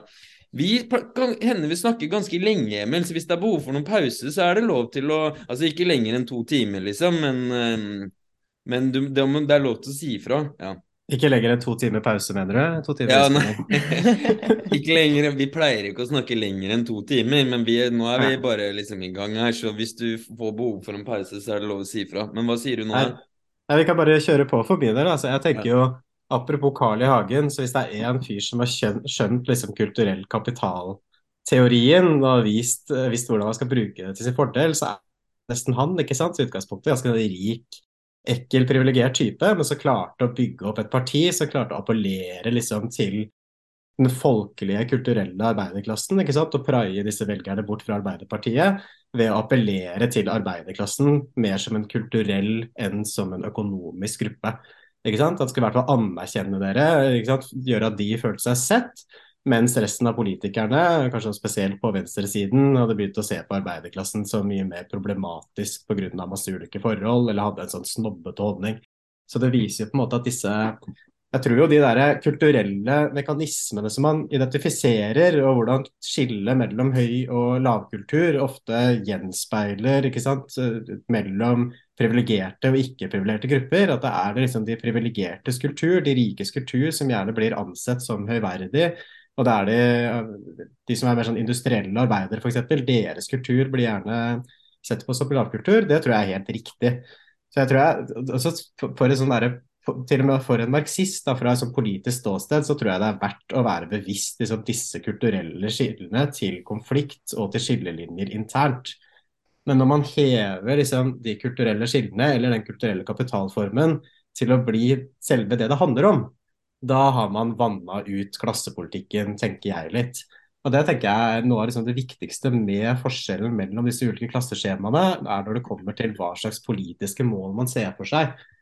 Sånn som i Norge, for eksempel, Når man snakker om sosial ulikhet, så er man jo gjerne opptatt av dette her med sosial mobilitet. ikke sant? Sånn, hvor er det folk ender opp, sammenlignet med hvor de starta? Er det sånn at hvis du blir født inn i arbeiderklassen, er du da dømt til å bli en arbeider, eller er det mulig for deg å klatre oppover?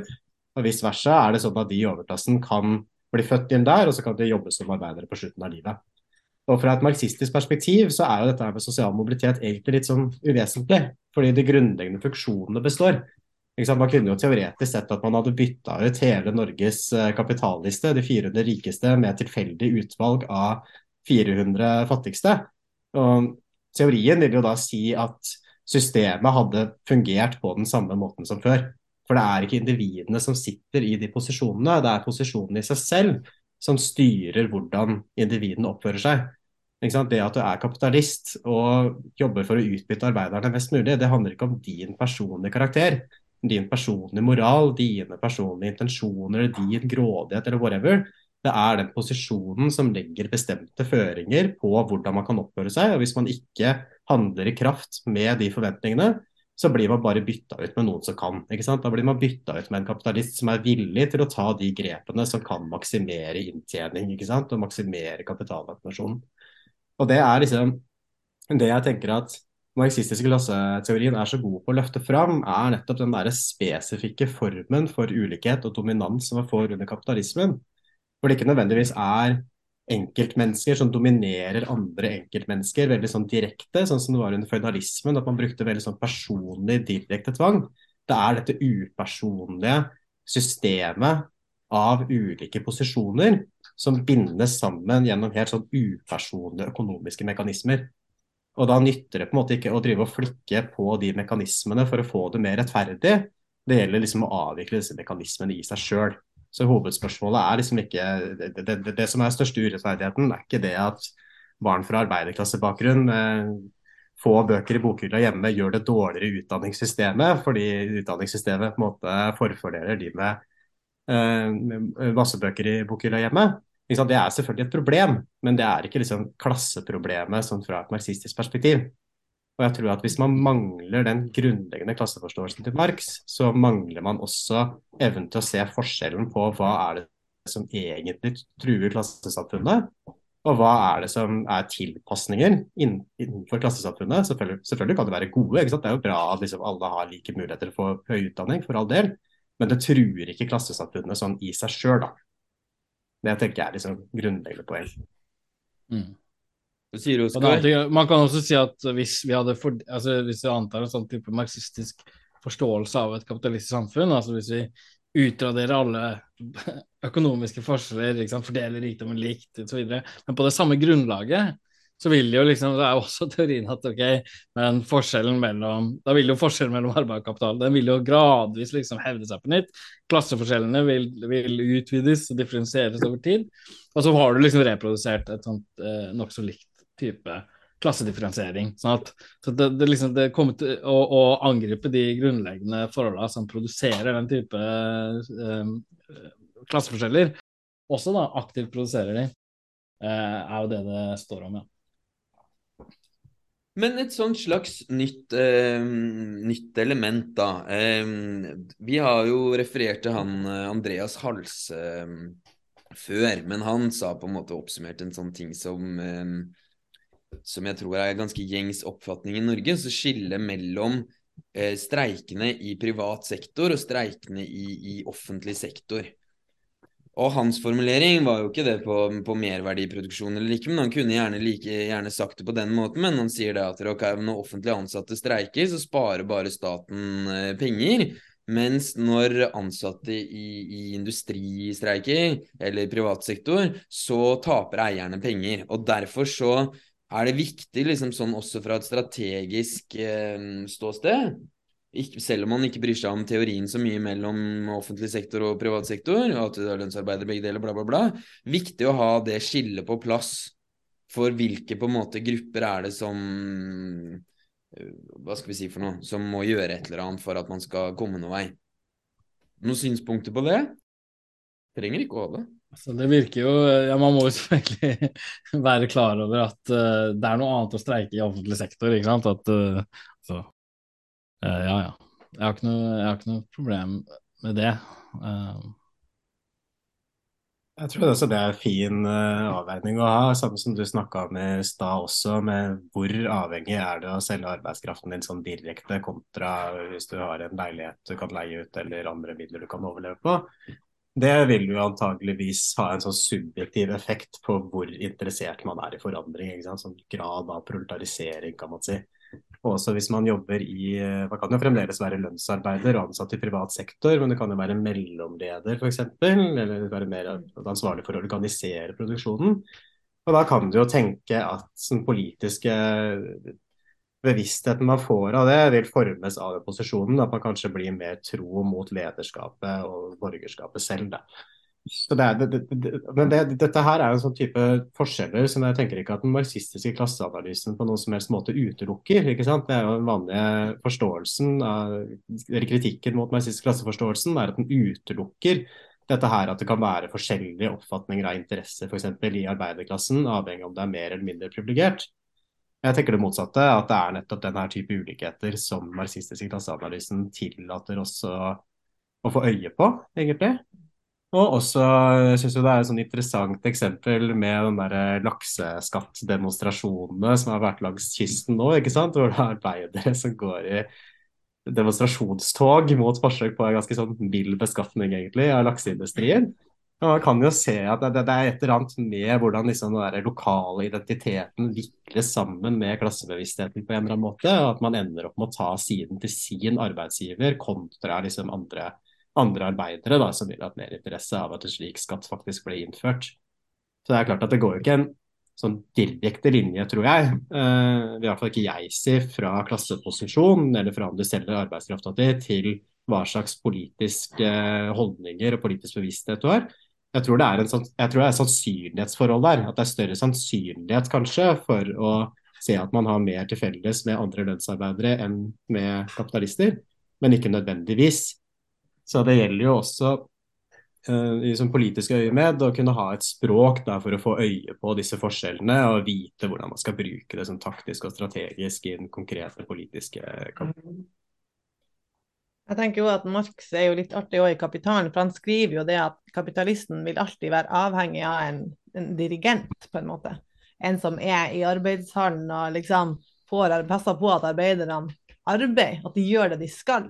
Og det er klart at den personen som får den eh, jobben, en slags leder, da, sant, vil jo identifisere seg med de samme verdiene som kapitalisten, og mest sannsynlig ha eh, større fordeler enn de andre ansatte. Så det er jo, og det er jo også litt interessant som Marx i hele den analysen med at samfunnet som vi lever i, er såpass måte, naturalisert, er jo at du ikke alltid helt skjønner hvem det er du skal identifisere deg med. Eh, du skjønner kanskje ikke helt hvilken posisjon din egentlig er i samfunnet. Du tenker kanskje at du er privilegert og sånn, og så, og så, tenker man på en måte ikke uh, Liksom de der mekanismene som er uh, Kapitalismens måte, mekanismer er ikke så synlige. Det er ikke så lett å få øye på, på en måte da. Og at det da blir eh, ikke så lett å skjønne hvem er jeg i alt det her, da, på en måte. Men selvfølgelig er det en mellomleder, så skjønner du jo at da identifiserer du deg med kapitalisten. Ja, for det er interessant det med ja, hvordan altså, så sier jeg ok, det finnes et skille mellom klasseskille mellom, mellom arbeid og kapital, lønnsarbeidere, men, men, veldig ofte så er jo nettopp, eh, nett, Så er det jo litt sånn, da, at eh, ikke sant, eh, arbeidere i laksebedrifter går og streiker for eller går og demonstrerer for mot grunnrenteskatt og sånn. Det er jo ikke helt Det er ikke et helt unikt fenomen, på, eh, på, på en måte, eh, i den forstand at, at så vi kan si at og jeg tror at det vanlige eh, er sant, at det er ikke en sånn at det er klass, grunnleggende klasseskille mellom arbeid og kapital. At det ikke manifesterer seg som en sånn bevissthet blant lønnsarbeiderne og allierte i et land om at de har interesser som er motsatte, distinkte fra og motsatte fra borgerskapet. ikke sant? Det er veldig sjelden, egentlig, at det er en sånn at det er en sånn uh, utbredt, i hvert fall i den forstand at vi blir utbytta av denne klassen, vår interesse er å ekspropriere den klassen. Eh, eh, gjøre privateiendommen deres til felleseiendom osv. Så sånn, sånn at en type en sånn ut, fullt utvikla klasseforståelse som en, som en sånn massebevissthet blant arbeiderne, og eh, som, som, også strekker seg utover andre grupper, det er jo noe du bare ser i i veldig radikale liksom På 20-30-tallet i Europa, kanskje, i Tyskland og sånne land rundt omkring, så har du den type stemning i eh, arbeiderklassen. Eh, men du har det egentlig ikke etterpå. Sånn at, sånn at, det er ikke noe sånn at jeg mener at, at det er noe sånn automatisk virkning. Det er ikke noe sånn automatisk at det å være lønnsarbeider produserer en sånn revolusjonær bevissthet i det hele tatt, ikke sant. Eh, eh, det, det, er ikke men, men jeg mener at, at det, jo, det, ligger noen objektive interesser i den lønnsarbeiderposisjonen. Og det, de interessene kan man se seg tjent med selv om hvis man ikke er arbeider, ikke sant. Så kan man se seg tjent med f.eks. Altså, det å følge en sånn konsekvent arbeiderklassekamp eh, for å redusere arbeidsdagen i samfunnet. Man kan se at det har liksom den klassekampen har liksom fordelaktige virkninger for samfunnet. Man kan identifisere seg med det, uansett om man ikke nødvendigvis er arbeider eller ikke. da. Også helt fram til deres kamp for et sosialistisk samfunn. Sånn at det er liksom mye mer komplisert enn den der, ikke sant? Ja, at å, du har arbeidere, og de blir liksom automatisk sosialister. Og hvis de ikke er, blir sosialister nødvendigvis, så viser det at de ikke er arbeidere. Ikke sant? Det er litt sånn det ofte har blitt. Men det er liksom, jeg mener fra et liksom Altså, ja, tvert imot. Det er bare unntaksvis egentlig at det, er, det fungerer sånn, og at, at uh, det det gjelder på en måte hvis vi er sånn type revolusjonære det, vi, det, er det vi driver med, så er det liksom å, ska, å bidra til å skape de der sjeldne historiske situasjonene som gjør at man får den der, den identifiseringa blir veldig sterk og fullstendig på et sånt bredt grunnlag. Men det, men det skjer jo selvfølgelig ikke automatisk. Uh, det er ikke noe, det er, ja, det er ikke noe sånn automatisk produkt av den økonomiske utviklingen eller noe, ikke sant. Men, men selv Da gjelder det jo kanskje også å, å, vite sånn hvem man skal være mot, da, ikke sant? og derfor blir disse klasseskjemaene viktige igjen. Sånn som f.eks. i det klasseskjemaet som de bruker, uh, som de har utvikla på bakgrunn av politiet på Universitetet i Oslo, så er jo tannleger og sivilingeniører en del av overklassen i det mm. skjemaet. Så hvis man da har en politikk som sier at vi skal avvikle overklassen, så innebærer det at vi ikke skal ikke lenger ha tannleger og sivilingeniører. Det er kanskje litt verre å få med seg folk med på et sånn klasseantagonistisk prosjekt, enn hvis man sier at overklassen består av rentenister og store eiere som egentlig ikke bidrar med noe, men som bare tar overskuddet fra andre. Og Derfor så mener jeg liksom at det er viktig å bevare liksom der, en viss form for eh, bevissthet da, ikke sant, om hva klasseskillene egentlig går ut på. I hvert fall dersom man har som mål å avvikle klassesamfunnet, som er marxismens mål. Så det er, det er kanskje det som skiller liksom, marxistisk klasseteorien fra andre mer sånn sosiologiske klasseteorier, er at marxistisk klasseteorien er en revolusjonær klasseteori. Den er interessert i en avskaffelse av klassesamfunnet, og ikke bare forklare ulikhetene som allerede fins. Den vil liksom avdekke roten til disse ulikhetene og avvikle den roten. Og da kan man ikke ha tannleger og sivilingeniører, tenker jeg, i overklassen eller i den gruppa man skal problematisere. og Det gir på en måte ikke mening hvis man har det revolusjonære utgangspunktet. Det er jo nettopp litt sånn her at, at fordi at du mangler denne typen eh, analyse som vi snakker om nå, da, eh, den er jo ikke veldig utbredt, vil jeg si, på en måte, i samtalen, i eh, den diskursen i samfunnet. på en måte. Så jeg tenker at Det gjør jo òg at arbeiderklassen jeg tenker at de kanskje er en lidende klasse, for de er avhengig av at kapitalisten går i pluss, og at bedriften får profitt. Det er sånn de lykkes, at det går bra. Og, og at, de, måte, eh, at man ikke nå har en bevissthet over en måte, den eh, styrken arbeiderklassen egentlig innehar, og at de kanskje ikke Ja, det blir på en måte ikke kommunisert. Og jeg tenker at det er jo det som er på en måte hele eh, kapitalismens på en måte hemmelighet, det her med kooperasjon. altså bare fordi det er kapitalisten som formelt samler alle arbeiderne på ett sted og har maskinene og får, så fremstår det på en måte som at det er han som har skapt alt det som blir produsert. Og arbeidernes jobb i alt det blir på en måte ingenting. Og det er litt sånn, sånn klarer å forstå at det er jo faktisk alle arbeiderne her som, som skaper det, alle produsentene. Eh, kapitalisten i seg sjøl hadde du på en måte ikke trengt.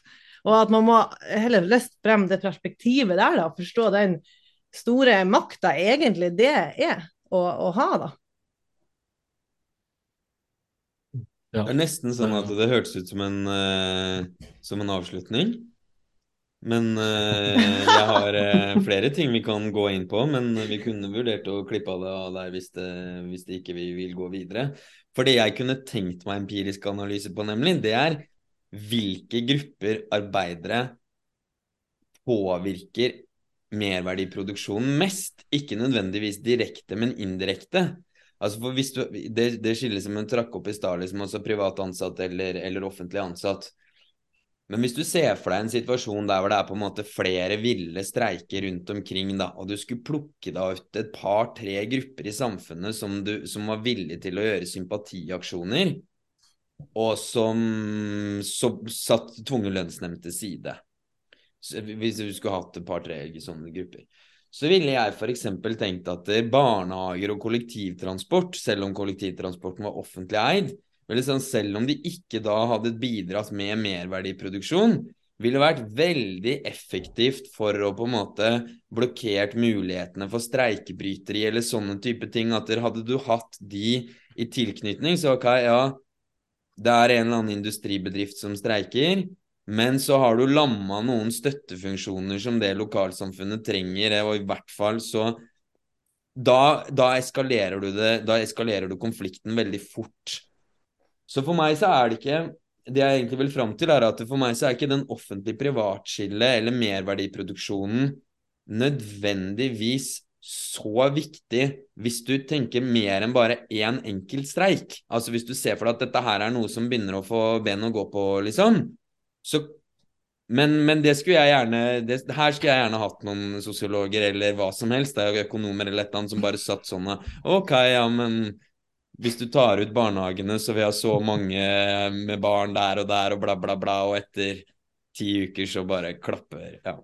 Altså, Hvor er samfunnet mest sårbart, på en måte? Sånn, ikke nødvendigvis sånn samfunnet, da, for da ville du bare sagt at steng sykehusa. liksom, Steng sykehusa og skolene, og så eh, ikke sant, for Da dauer folk fordi at det ikke blir Så det er ikke sånn det er ikke, det er ikke, på, det er ikke nødvendigvis på det nivået, men hvilke sånn støttefunksjoner eller altså den bedriften som sitter der, da, den industribedriften som f.eks. Borregaard, som holder på liksom i Sarp, som har eh, Jeg vet ikke hvor mange hundrearbeidere de har der, men altså 750. 750, ja. De går ut i streik. Altså, så De organiserte der, de går ut i streik, og de sier at nei, nå, den, denne gangen her, så, så, kjører vi litt hardere enn vanlig, liksom. Det blir ikke noe frontfagsramme her i gården. Nå skal vi virkelig stå på og blir trua med tvungen lønnsnemnd og alt mulig, og det er bare sånn fuck det, det hører vi ikke på. Og så, ja, og så kan du ha masse sånn sympatiaksjoner, og folk skriver kronikker, og det er kronerulling og ditt og datt, men når det da skal på en måte Når du skal begynne å få sympatiaksjoner med andre andre arbeidere, og du skal ta, på en måte ta høyde for at der, okay, bedriften vil sikkert, siden det har vært snakk om tvungen lønnsnemnd, så vil de sikkert prøve å få inn noen som skal kunne utføre de funksjonene, hyre inn konsulenter osv. osv. Hvilke er de neste funksjonene da du vil skal gå ut i streik for å eh, underbygge den allerede opprinnelige streiken? da? Og for meg så er ikke det åpenbart at det er en ny industribedrift. Det er vel egentlig bare poenget. Det er ikke, det er ikke noe dypere enn som så. Men eh, ja. Jeg tenker jo kanskje blant som transportarbeidere, folk som driver med logistikk, da. Hvis man virkelig skulle strupe av systemet, liksom, så gjør det at varer ikke kan flytte seg rundt omkring. Så da tar det ikke så lang tid før samfunnsstrukturen virkelig begynner å stagnere. Og Det er jo en form for streik som nødvendigvis kunne måtte ha blitt internasjonal også. ikke sant? Fordi stopper man liksom logistikken, og disse firmaene er jo gjerne internasjonale. Så gått inn i transport, det tenker jeg kanskje ville vært min drømmestreik, da, hvis jeg kunne ha bestilt det. Så skal vi sjølproletarisere oss på noe tidspunkt, så er det Ja, ja, det er bra. Ja, ok. Ja. Nei, har vi, noe, har vi noe annet, eller har vi dekka det inn, uh, Ida? Jeg kommer ikke på noe der, altså. Ja, det var på en måte Nei, jeg kommer ikke Har du noe, Emil? Nei, jeg føler jeg har snakka nok, egentlig. Ja. Så altså, hvis ikke dere sitter og brenner inne med flere spørsmål hvordan man operasjonaliserer klasse i sosiologiske klasseforskninga, så er jeg fornøyd. Ja, nei, nei, vi Ja, nei. Ja, eventuelt så kan du Jeg vet ikke. Jeg tenker... nei da. Jeg tenker bare det du snakka litt om i stad, det her med at, at um, eh, Ja, at noen på venstresida, vi liker ikke egentlig det ordet, men at eh, bruker det her Bordeaux eh, sine definisjoner, da, som gjør at uh, ja, liksom grunnlaget for analyse kanskje blir litt feil, når man i utgangspunktet liksom kanskje burde jobba for en litt mer marxistisk analyse, da. ja, jeg er litt sånn jeg er litt sånn delt på det der, for jeg tror jo hvert fall hvis du ser på SV og Rødt og hvem som stemmer på dem historisk, så er det jo klart at det har vært dominert av folk med høy utdanning, da. Gjerne. Og ofte folk som har jobba i offentlig sektor. Og spørsmålet er jo, som man stiller seg, hvordan kan man i større grad nå den liksom, i anførselstegn tradisjonelle arbeiderklassen, ikke sant? For man skal ha med seg dem også, det er dem man tenker at man egentlig representerer. Og da tror jeg det å se på hvordan man kommuniserer, ikke sant? hva slags språk man bruker, og ting som følger av en sånn kulturell kapitalanalyse, selvfølgelig først og fremst hva slags saker man løfter fram, da, tenker jeg. Sånn, løfter man fram bedre arbeidsvilkår og utbygging av velferdsstaten, eller løfter man fram mer sånn symbolpolitikk, eller kanskje et forbedra utdanningssystem, eller et, et eller annet sånt. Uh, så jeg, jeg, tror nok det primært er liksom sakene det går på, men jeg tror også det har noe for seg å spørre uh, hvordan er det man kan nå ut, ikke sant, på et sånt kulturelt, nesten litt sånn marketingplan, ikke sant, i disse kommunikasjon. Jeg tror risikoen for det er at det fort kan bli litt sånn stereotypt. At man kanskje ender opp med å essensialisere arbeiderklassen veldig. At man tenker at det bare er liksom gutta på gulvet fra utkantstrøk med vernesko og refleksvest, og som hører på Ole Ivars og liker å dra på puben og se fotball med gutta. ikke sant? Det er jo mange av dem, men jeg tror at arbeiderklassen er altfor eh, kompleks da, til å kunne reduseres til en sånn kulturell stereotypi. Og jeg tror at ulempen ved den type kulturelle analyser er at det kan bli litt sånn stereotypisk, og at man kan få en litt sånn nedlatende holdning F.eks. når det kommer til teori. Nei, de skjønner ikke teori uansett, så det er ikke vits å bruke store ord. ikke sant? Vi må finne enklere måter å kommunisere på. Kanskje ikke bruke ord som man opplever som uh, fremmedgjørende, ikke sant, for å prøve å nå ut. Og så kan jo det funke på kort sikt, men på lang sikt så tror jeg man skyter seg litt i foten. Da. For spørsmålet er jo når er det de mer overordna samfunnsanalysene skal komme inn, og da må man snakke litt teori ny og ne, altså. Jeg føler det.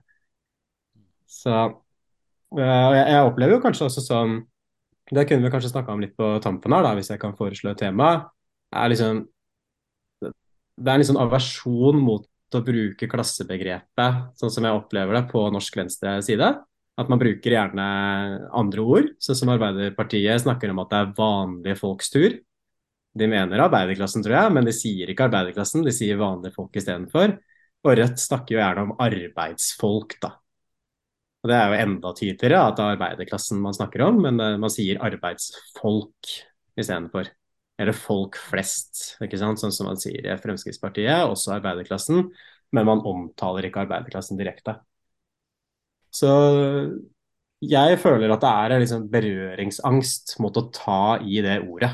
Uh, ta i klassebegrepet i det hele tatt. Som jeg kan forstå på ett plan, men som jeg også tror er kortsiktig. da. Fordi Før eller siden så må man ta klassebegrepet for at politikken skal bli virkelig eh, ikke bare revolusjonær, men også for å få til mer innenfor dagens system, så tror jeg man trenger en litt mer konfronterende stil.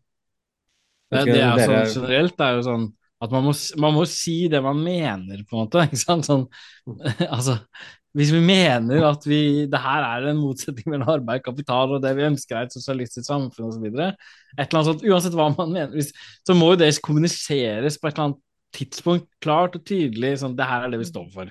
Og jeg føler sånn med SV, og særlig Rødt også, at det er sånn Man tør liksom ikke engang å ta den der runden engang. ikke sant, og, og, måte opplyse, og da altså at man, man pakker det inn på ulike måter som føles mer eh, sånn, eh, hva skal man si, tilpassa de kulturelle analysene man har av velgerne sine. Men, men, så tar man aldri den runden. Ikke sant? At man liksom egentlig sånn, Hver gang man drilles på hva et sosialistisk samfunn er, så blir man veldig defensiv. og blir veldig diffus, Alt blir veldig diffust og bla, bla. Og da bygger man jo ikke et grunnplan som har en forståelse for hva man ønsker å gjennomføre. Ikke sant? Du, du liksom, det blir liksom en en hemmelighet i den eliten blant liksom visse kretser som skjønner på en måte hva det står om. Uh, sånn at, sånn at det, det, det, er liksom veldig jeg mener, så, Til sjuende og sist så må man bare si det. ikke sant? Du må, ja, hvis det er det du vil, så må du bare faen meg tørre å si det. altså. For Hvis ikke så får du aldri det gjennom. for at du, du, Da lokker du til deg velgere som ikke har noen forståelse for at det er det du faktisk har lyst til. ikke sant? Så når du faktisk Mm. kommer til at man møter motstand og så videre og blir satt litt til veggen og det et eller annet man skal gjøre, så, så kan man jo ikke gjøre det, for man har jo ikke liksom bygga noen sånn forståelse for hva som trengs å gjøres osv. Så, videre. så det er sånn generelt at sånn, jeg føler ja, at man må bare liksom bli litt mer sånn eh, Ja. Det er, det er veldig mye av den der eh, Vi har en analyse av hva de forskjellige kulturelle preferansene til folk er. Sånn pakker vi det inn for å få, få vippa eh, flertallet i vår side, men altså Si hva du mener. Men jeg er enig i den der at man må si det man mener, men jeg tror problemet med begrepet arbeiderklassen er at når du sier det nå, så genererer det nesten automatisk begrepet middelklassen i folks bevissthet. Du kan ikke si arbeiderklassen uten å generere hvem er det som er arbeiderklassen, og hvem er de andre delen av vanlige folk som eh, ikke er i arbeiderklassen. Det tror jeg er vanskelig med det. Nå er jeg ikke noen fan av det arbeidsfolksbegrepet, men vanlige folk brukte jeg før Arbeiderpartiet, altså liksom i politiske tekster, nettopp for å slippe den greia der, og for å ha et begrep som er bredt nok.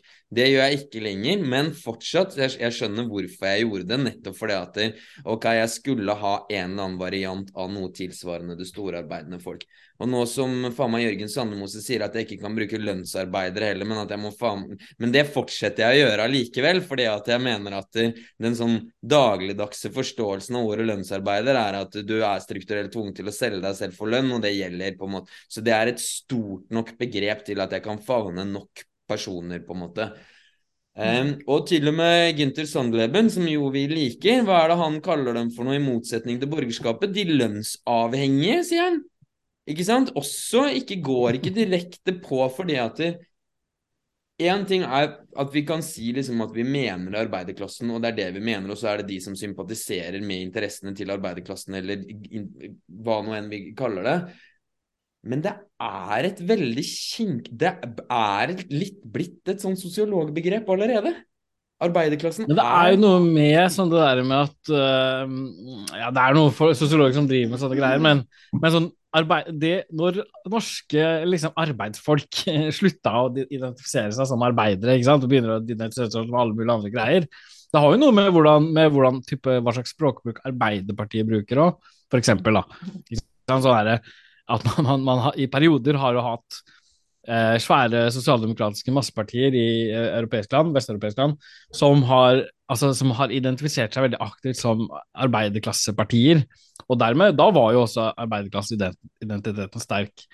Eh, og så, så, så etter krigen så skifter Arbeiderpartiet og begynner, begynner med forskjellige nye greier, og så blir det mindre og mindre, mindre det med arbeidere, og det blir folk osv. Og, og da, altså, det er en sånn det er en sånn årsaks Det er noen sånne årsakspiler der òg, da, som man kan snakke om. Um, sånn at hvis man aldri på en måte reflekterer over Altså, hvis man aldri blir mobilisert som arbeiderklasse, så er man jo heller ikke det. på en måte. Altså, Men, hvis man blir mobilisert Arbeiderklassen er revolusjonær, eh, ellers så er den intet, som Mark Marx sier. Altså, man må liksom i noen øyeblikk føle på de motsetningene man står i, ikke sant. Og hvis ikke de blir, man, blir man er liksom mobilisert i en sånn uh, sammenheng, så vil jo den identiteten sitte veldig svakt. Og hvis alle aldri tør å liksom gå inn i det, og, men, men tripper rundt med ulike nye begreper, da, så Men det er ikke for å ikke tørre, da. Det er fordi at det er begrepet stort nok.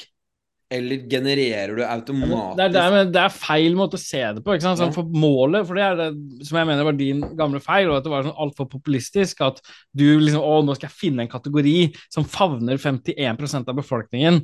Og, som, og da får jeg liksom De er det, og derfor så de har interesse av liksom sosialisme.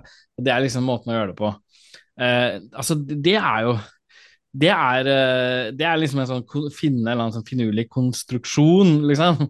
Eh, som, som, poenget er bare altså du har en arbeiderklasse i samfunnet, og deres interesser, deres og liksom objektive samfunnsmessige interesser er altså i, på det kortsiktige plan eh, kortere arbeidsdager osv. På det langsiktige plan oppheve kapitaleiendommen og forvandle den til samfunnseiendom.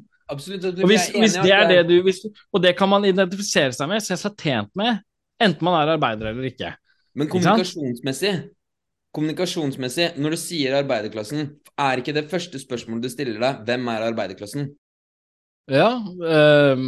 Og da mener jeg vi er ute i Da mener jeg vi er ute i sosiologsuppa med en gang, liksom.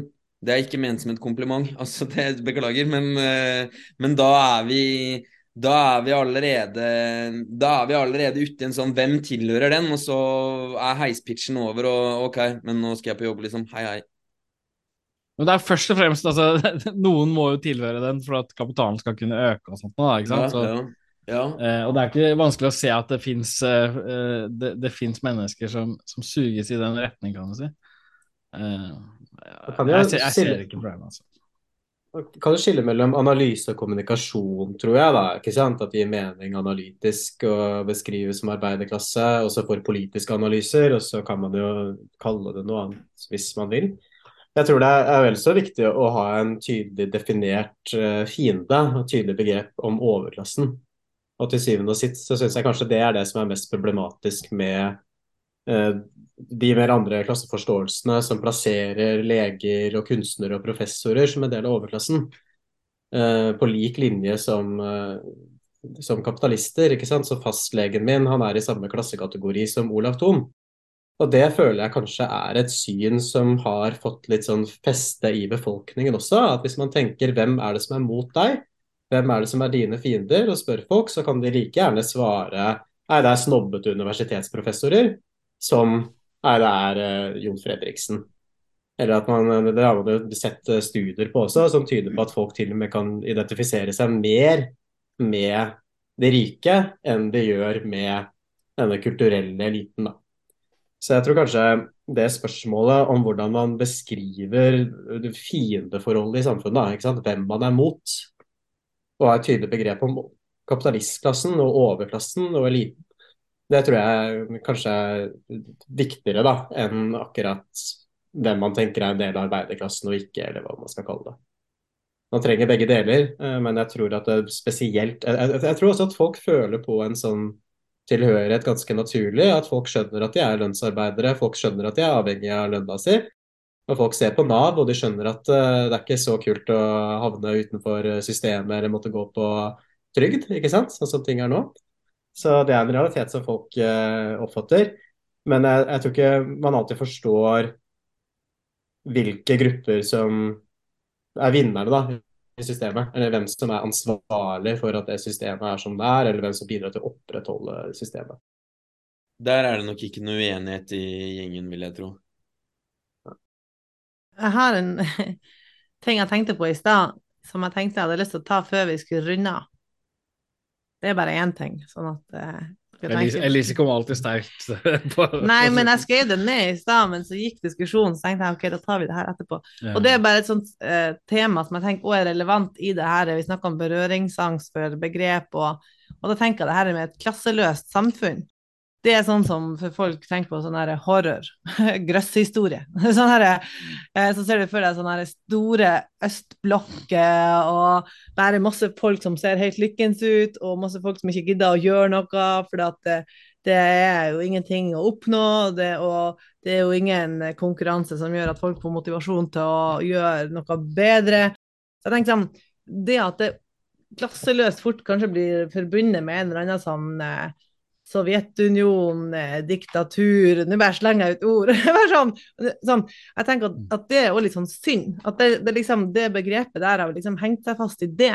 Og så er det det folk tenker på. Så det er jo ingen sikkert i dagens polit politiske samfunn som tør i en debatt å si at vi ønsker et klasseløst samfunn. på en måte. Altså sånn, Det blir fort sånn at da tenker folk på det. Så det er jo også liksom viktig å få frem hva det betyr, og at det som skjedde i, i Russland eller Sovjetunionen, på ingen måte er det man på en måte jobber mot. da, på en måte.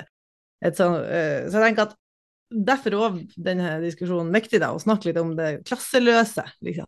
Og at det egentlig bare betyr, vi har snakket om det før, et samfunn der eh, ingen utbytter noen andre, på en måte. I en sånn forstand at eh, eh, overskuddet som blir produsert, blir tatt av noen som ikke har jobba. Sånn at jeg tenker bare at jeg ville skyte inn eh, litt om det. Der, der også er det mener jeg at altså, den der berøringsangsten som man har på venstresida, skaper de programmene som man prøver å unngå veldig mye. da.